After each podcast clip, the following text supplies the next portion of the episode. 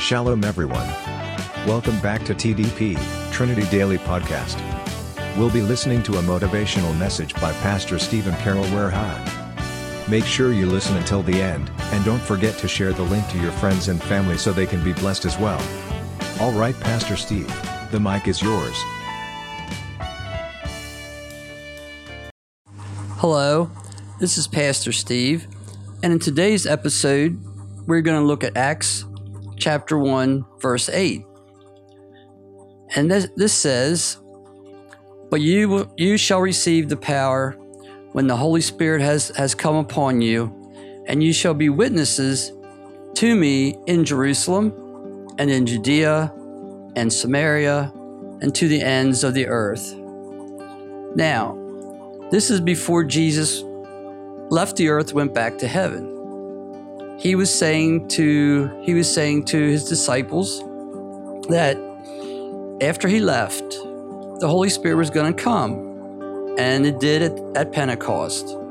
Before that, the Holy Spirit would just come and go, but at this point, the Holy Spirit was going to come and dwell the believers, those that have trusted Christ as their Savior. And that's what we have today. You know, we don't have to wait for a specific time the moment we become a Christian, the moment we give our lives to Jesus, the Holy Spirit comes to dwell in us. That means we have all the power of God, we have the authority of God, the wisdom of God living in us, because the Holy Spirit is God. So, this is what Jesus says is going to happen the, the Holy Spirit's going to come upon you. And then he goes on to say this and you shall be witnesses to me in Jerusalem, in all Judea, Samaria, and to the ends of the earth. You see, he's telling the disciples and also telling us that we're to be his witnesses. We're to witness to him, we're to witness about him, rather, to other people. God has done a miraculous work in our lives. God has changed us. God has given us something that's precious, and we're supposed to share it. You know, we're, you know, people should see a difference in us and ask questions, and we should be willing to share. Now, he tells them that you're going to do this in four places. And notice that he doesn't say Jerusalem or Judea or Samaria or the ends of the earth. He says, and in between. So remember this as we're talking about this. You're supposed to somehow be his witnesses, be a part of sharing the gospel, be about somehow be a part of spreading the gospel in every single one of these places. Now, Jerusalem doesn't mean that as soon as you get saved, you book a plane ticket, you fly to Jerusalem and hang out there. No. Jerusalem is where you live and work. Jerusalem is where you live and go to school. You know, this area, for many, it would be the whole town. Others, it may be like a development or whatever. But it's a, it's a, it's a smaller area. It's an area where you spend most of your time. And so that's where we're supposed to be. Now, we also have to remember that being his witness doesn't mean that you have to be a pastor, doesn't mean you have to be a trained evangelist or a missionary. Well, you're kind of a missionary, you know, if you're doing these things, but not in the sense that we usually think of going to another country. You see, most people are called to be his witnesses and to spread the gospel right where they're at. You see, every day when you go to work, you're going to be around people more than likely that don't know Jesus. You're going to be around people that need to hear about Jesus. That you're going to need to be around people, maybe even if they are Christians, that they're discouraged, and you can encourage them. The same way if you're if you're in school, the same way when you go to the marketplace, and even within your own family, there may be those that need to hear. So this is something that's important that we're all called. Every single one of us is called to work in our home area, the area where we normally live. Then it also says that we should go to Judea. Now, Judea is going to be a larger area. Um, depending on what country you live in, it could be a county, state, um, maybe even the whole country, province in some places, island in places like here in Indonesia. You know, your your Judea might be just an island, possibly most of the country. But the point here is Judea is a larger area. It's an area where you probably can have access to. You know, you could take missions trips or short term trips, you know, that you don't have to leave the country or anything like that, but you could just go to another place that's outside of your main living area. And you can go there, you know, with church groups or whatever, but you're also supposed to be part of that. And then and then we see Samaria. Now, I used to look at Samaria as just like a larger group. But as I got to really thinking about this and thinking about Samaria and the significance of Samaria in the Bible, I realized our Samaria is the people that other people don't want to have anything to do with. Maybe it's the homeless, alcoholics, drug addicts, maybe depending on where you're at, it could be refugees.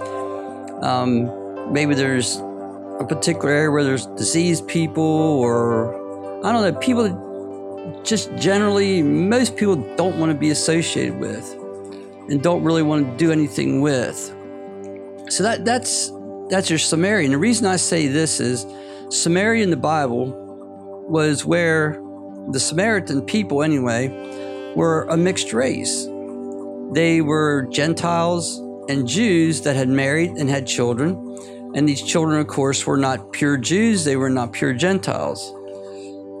So we see that Samaria, you know, is, is this mixed race. The Jews hated them, the Gentiles hated them. And in fact, a good Jew, if he was really, really serious, if he wanted to go from where he was at to a place on the other side of Samaria, he would not walk through the shortest distance. He would go around Samaria.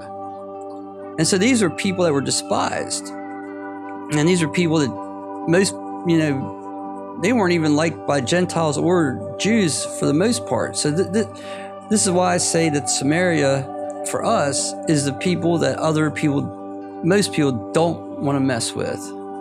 They don't want to be around them. They don't want to fool with them. So that's the Samaria. And you know, there's many ways we can be involved with them. You know, either we can do it personally. You know, maybe our church does things with the homeless or whatever. You know, there's all different kinds of ways that we can be involved in ministering to that particular group of people. And those people have a great need. Remember that God God loves every person. You know, no matter what their circumstances, no matter what's going on in their lives, God loves and cares for every person. And He desires them to be with Him. You know, they have just as much value as some nice, neat, clean, well kept person like in the city you know, somebody has a, good job, somebody that, you know, maybe is a little well off or whatever, has some notoriety. So remember, these people are important. They many times don't have the opportunities that other people have. So they really do need us to be witnesses to them. You know, they need to see the love of Christ in us to help to lift them up, not only for salvation, but to better themselves in life. And so there's three things, three so far, and the last is the ends of the earth. Now that would be typically typically what you would think of as a missionary. You know, someone like me who's traveled different places throughout the world, you know, goes to different countries. Right now, you know, God's has me just living in Indonesia, but you know, my, my home country is United States of America. So so this is the ends of the earth. Now, some of us are like me, are called to actually go um, and live someplace else. Some are called to go on short term mission trips, maybe for a week, two weeks, a month, or whatever. But for most people, they're not called to go there. They're not called to actually go to another country. I think it's a good idea for every Christian to take a mission trip to another culture just to learn. But most of us, like I said, are called to to minister where we work, you know, to minister in where we live. So how do we, if we're not called to go, how can we be a part of the ends of the earth? We are, we could be part of that by helping those that are called. You know, for me to live here in Indonesia, there's people that support me financially, there's people that are praying for me. They're part of the ministry that I have here. You know, everything, anything that I would happen to accomplish while I am here, they're a part of. It's going to be, God's going to put it on their account as well as my account. So, and that's the way we could be a part of this. That's the way we could be a part of Jerusalem and Judea, or I mean, Judea and Samaria also if, if we can't go if we don't if we're not really with it we can support those that are going but we all are called for sure to be direct witnesses in our jerusalem you see we're supposed to work in all four of these in some balance some ratio and god's going to be it's going to be different for each one of you so i would challenge you are you being a witness for Jesus at all, first of all? Are you a witness? Do people see a difference where you work? In your school, in the marketplace, in your families? You know, how are you how are you witnessing? How are you part of the ministry that's going on to people in Judea, in Samaria, those that know most people don't want to deal with, or, or the ends of the earth? Spend some time with God. Ask Him to help you to get to the point where you're doing all these things the way He's called you to do them so that your life can really make a difference, not just in a small way, but in a very, very large way. Let us pray. Dear Lord and Heavenly Father, we do thank you. We do praise you for your word.